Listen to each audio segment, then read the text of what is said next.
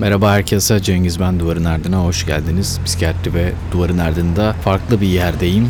Sesten de arkamdaki gürültüden de anlayacağınız üzere şu anda Sevgi Parkı'ndayım Antakya'da. Antakya'daki ikinci günüm. Ee, burası önemli bir yer Sevgi Parkı.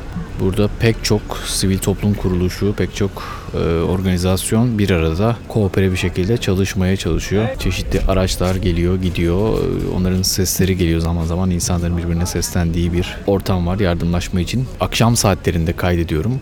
Bir tarafında Asi Nehri, e, bir tarafında böyle serin rüzgarlar var. Şu anda yok ama yokluğunu da hissettiğimiz Alex'in yakınlarında bir yerde. Yani Alex'in daha önce zaman geçirdiği bir yerdeyim. Burada Haytap'ın da çadırı var. Özellikle Haytap ve Animal Lover isminde bir dernek birlikte çalışarak pek çok hayvanı, sahiplerinin ulaşmakta zorlandığı hayvanı geç de olsa 21. günde örneğin Alex'i e, çıkarabildiler. Pek çok böyle hikaye var burada. İnsanlar canhıraş bir şekilde çalışıyorlar. Burada tabii gündüz bir takım faaliyetlerde bulunduktan sonra insanlar akşam günün kritiğini yapıyorlar. Neler daha iyi olabilir, neler yapılabilir. Bunun üzerine konuşuyorlar. Her gün saat 8'de bütün STK'lar toplanıyorlar. Gündemi tartışıyorlar. Şehrin sorunlarını tartışıyorlar. Tabii Antakya'nın bundan sonraki dönemi için belki erken konuşmak ama çok ciddi bir e, zorluk var burada. İnsanlar nasıl şehre tekrar dönüp nasıl tekrar başlayacaklarını düşünmeye başladılar yavaş yavaş. Bir taraftan şehrin esnaflarıyla da hasbelkader denk geldim. Buradaki otel sahipleri, çeşitli işletmeciler, kebapçılar, bir takım beyaz eşya, yatak e, satan tüccarlar diyeyim. Onlar da aslında bir taraftan kaybettikleri şeylere üzülürken bir taraftan gelecek planı yapıyorlar. Çok ilginç şeylere denk geldim. Bir kişi deposundaki malları tırlara yükletip e, Mersin'de bir depoya taşıttığını söylüyordu ve bunu da aslında e, zararı pahasına yani oradaki depodaki ürünleri hiç ellemese çok da bir şey olmayacakken bunu yapıyordu. Çünkü insanların mallarını yağmalamasından çok rahatsız ve onu çok rahatsız ediyor diye böyle bir girişimde bulunmuş. Yani böyle farklı e, şeyler de, düşünceler de olabiliyor. Antakya'nın tabii çok sembolik yerleri var. Meclis. Bugün onu gördüm. E, yani hiç iyi gözükmüyor. Antakya yine yani eski böyle Antakya evleri onlar e, yine çok kötü gözüküyorlardı. Yani bu Antakya merkezin çok büyük bir hasar aldığını görmek mümkün. Bir taraftan aslında böyle psikososyal destek, ruh sağlığı hizmetleri bunlarla da ilgili girişimler var ama açıkçası henüz o talep tam anlamıyla oluşabilmiş değil. Karşılanmakla ilgili çok ciddi bir çaba var tabii. Ama e, belki insanlar hala olayın şokundalar. Her ne kadar depremden çok zaman geçse de aslında bu iki hafta sonraki yani 7.6 ve 5'ten sonraki 6.4'lük Hatay merkezi deprem burada daha büyük bir etki yaratmışa benziyor. İnsanlar onu bir milat gibi alıyorlar ve ondan sonraki dönemde daha e, ciddi etkilendiklerini düşünüyorlar. Onun için de tabii henüz çok zaman geçmiş değil. Burada akşamları özellikle şehirde pek kimse yok. Yani böyle caddelerde bir arabayla dolaşıyorsanız sizden başka kimse olmayabiliyor bazen. Bazen polis araçları görüyorsunuz, bazen jandarma, asker. Ama sivil bir aracı görmek çok kolay değil. Bazı evlerin ışıkları yanıyor ama ev terk edilmiş. Evlere sonradan elektrik verildiği için evlerin ışıkları yanıyor halde görüyorsunuz.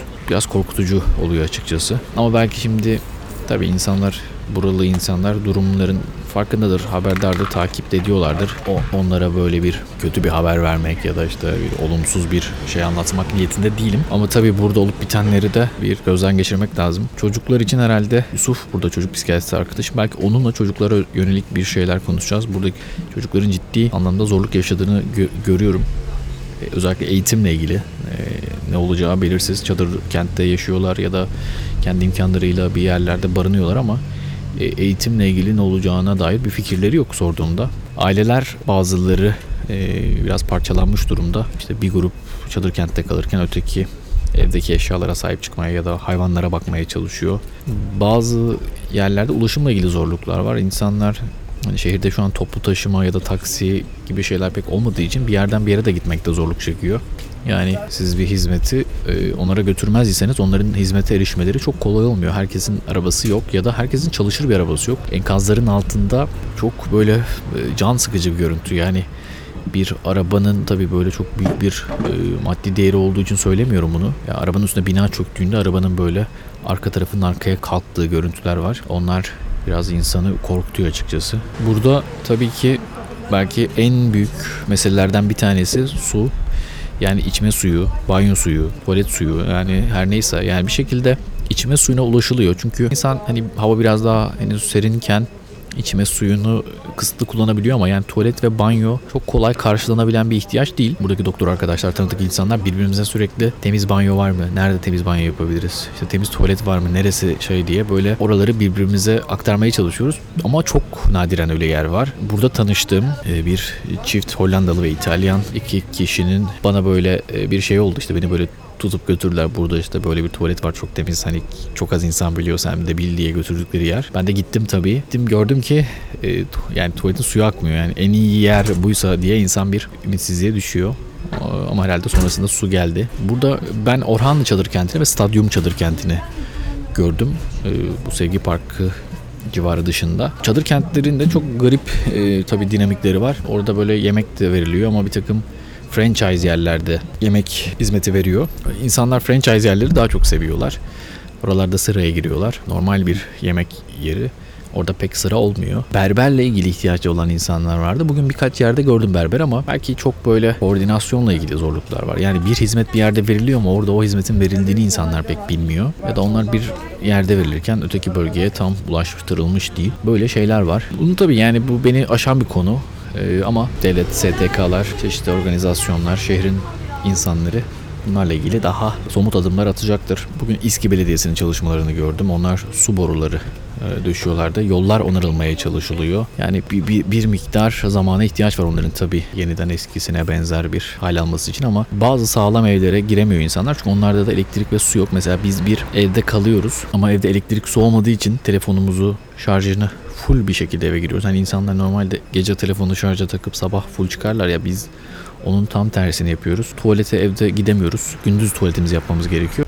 Ruhsal açıdan insanlar henüz tabii dediğim gibi erken ama daha çok sosyal sebepler onları zorluyor. Kayıplarla ilgili haberler gelebiliyor. Yani siz bir çadır kentteyseniz yan çadıra bir anda bir ölüm haberi gelebiliyor. Tabii siz de bundan etkileniyorsunuz. Bu dönemde daha çok olumsuz haberler geliyor tabii. Pek olumlu bir haber gelme ihtimali yok aslında. O yüzden hani bir başkasının acısına da bir anda şahit olabiliyorsunuz. Bu da insanları da biraz belki zorluyor. Çünkü beraber yaşıyorlar şu anda çadır kentte ve her acıyı hissetmek mümkün de çok anlayabildikleri bir şey benzer şeyleri yaşadıkları için. Burada tabii şöyle bir endişem oluyor benim yani belli bölgelere insanlar yardım ulaştırıyor ama acaba hep aynı yerlere mi gidiyor bu yardımlar diye. Çünkü şehri çok bilmeyenler, şehre dışarıdan gelip e, yardımcı olmaya çalışan insanların birkaç aşina oldukları rota var. Ben biraz şehri bilen bir psikiyatrist arkadaşımla şehirde olmanın avantajlarını kullanarak başka daha detay yerlere de gitme şansına eriştim. Küçük küçük çadır e, bölgeleri, kendi evlerinden kopmadan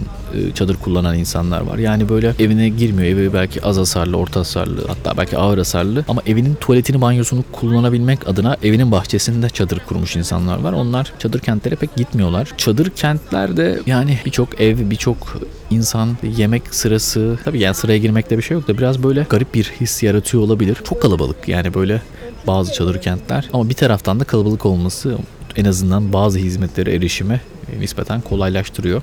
O yüzden hani onun optimal bir şeyini bilmiyorum. Belki halk sağlıkçıları ya da başka planlamacı insanlar bu konuda daha fazla bilgi sahibidir. Tabii yani böyle artık Antakya'yı eskiden bilenler bazı insanlar da bu halini görmek istemiyorlar. Yani buraya gelmiş olsalar bile hatıralarında eskisi gibi kalsın diye olabildiğince kaçınıyorlar bu hali görmekten ama çok böyle kaçabileceğiniz gibi değil. Her yerde Hemen her yerde bir bina var. Bir yoldan geçiyorsunuz. Bina sanki eğilmiş size bakıyor. Yani yola doğru böyle kıvrılmış. Sanki düştü düşecek gibi. Bazı enkazlar hiç tabii ellen, ellenilmiş mi ellenilmemiş. Oradan belki de çıkarılmıştır. Ben çok anlamadığım için. Ama böyle gördüğüm görüntüler. Yani gündüz daha net görüyorsunuz ama gece de ürkütücü olabiliyor yandan geçerken. Ee, şehirde ciddi bir toz var. Hem enkazlarla ilgili hem de belki hava durumuyla alakalı. Ee, ben kendi alerji durumundan, gözümün kaşınmasından takip ediyorum.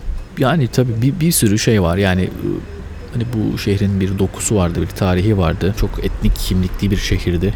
Buradaki Hatay'da yaşayan Arap nüfusla zaman geçirdim. Onlar yani burada tekrar buraya dönmenin hesaplarını yapıyorlar. Yani sahip çıkmaya çalışıyorlar. Umarım tabii istedikleri şekilde dönme fırsatı bulurlar. Ee, ben e, bu podcast'te aslında Sevgi Parkı'nda anlık duygularımı, hislerimi, gözlemlerimi kaydetmeye çalıştım. Fırsatım olursa eğer Burada birkaç podcast daha kaydetmeye çalışacağım bölgede çalışan arkadaşlarımla beraber. Onları da sizlere aktarmaya çalışırım. Buraya kadar dinlediğiniz için teşekkür ederim. Kendinize iyi bakın. Hoşçakalın.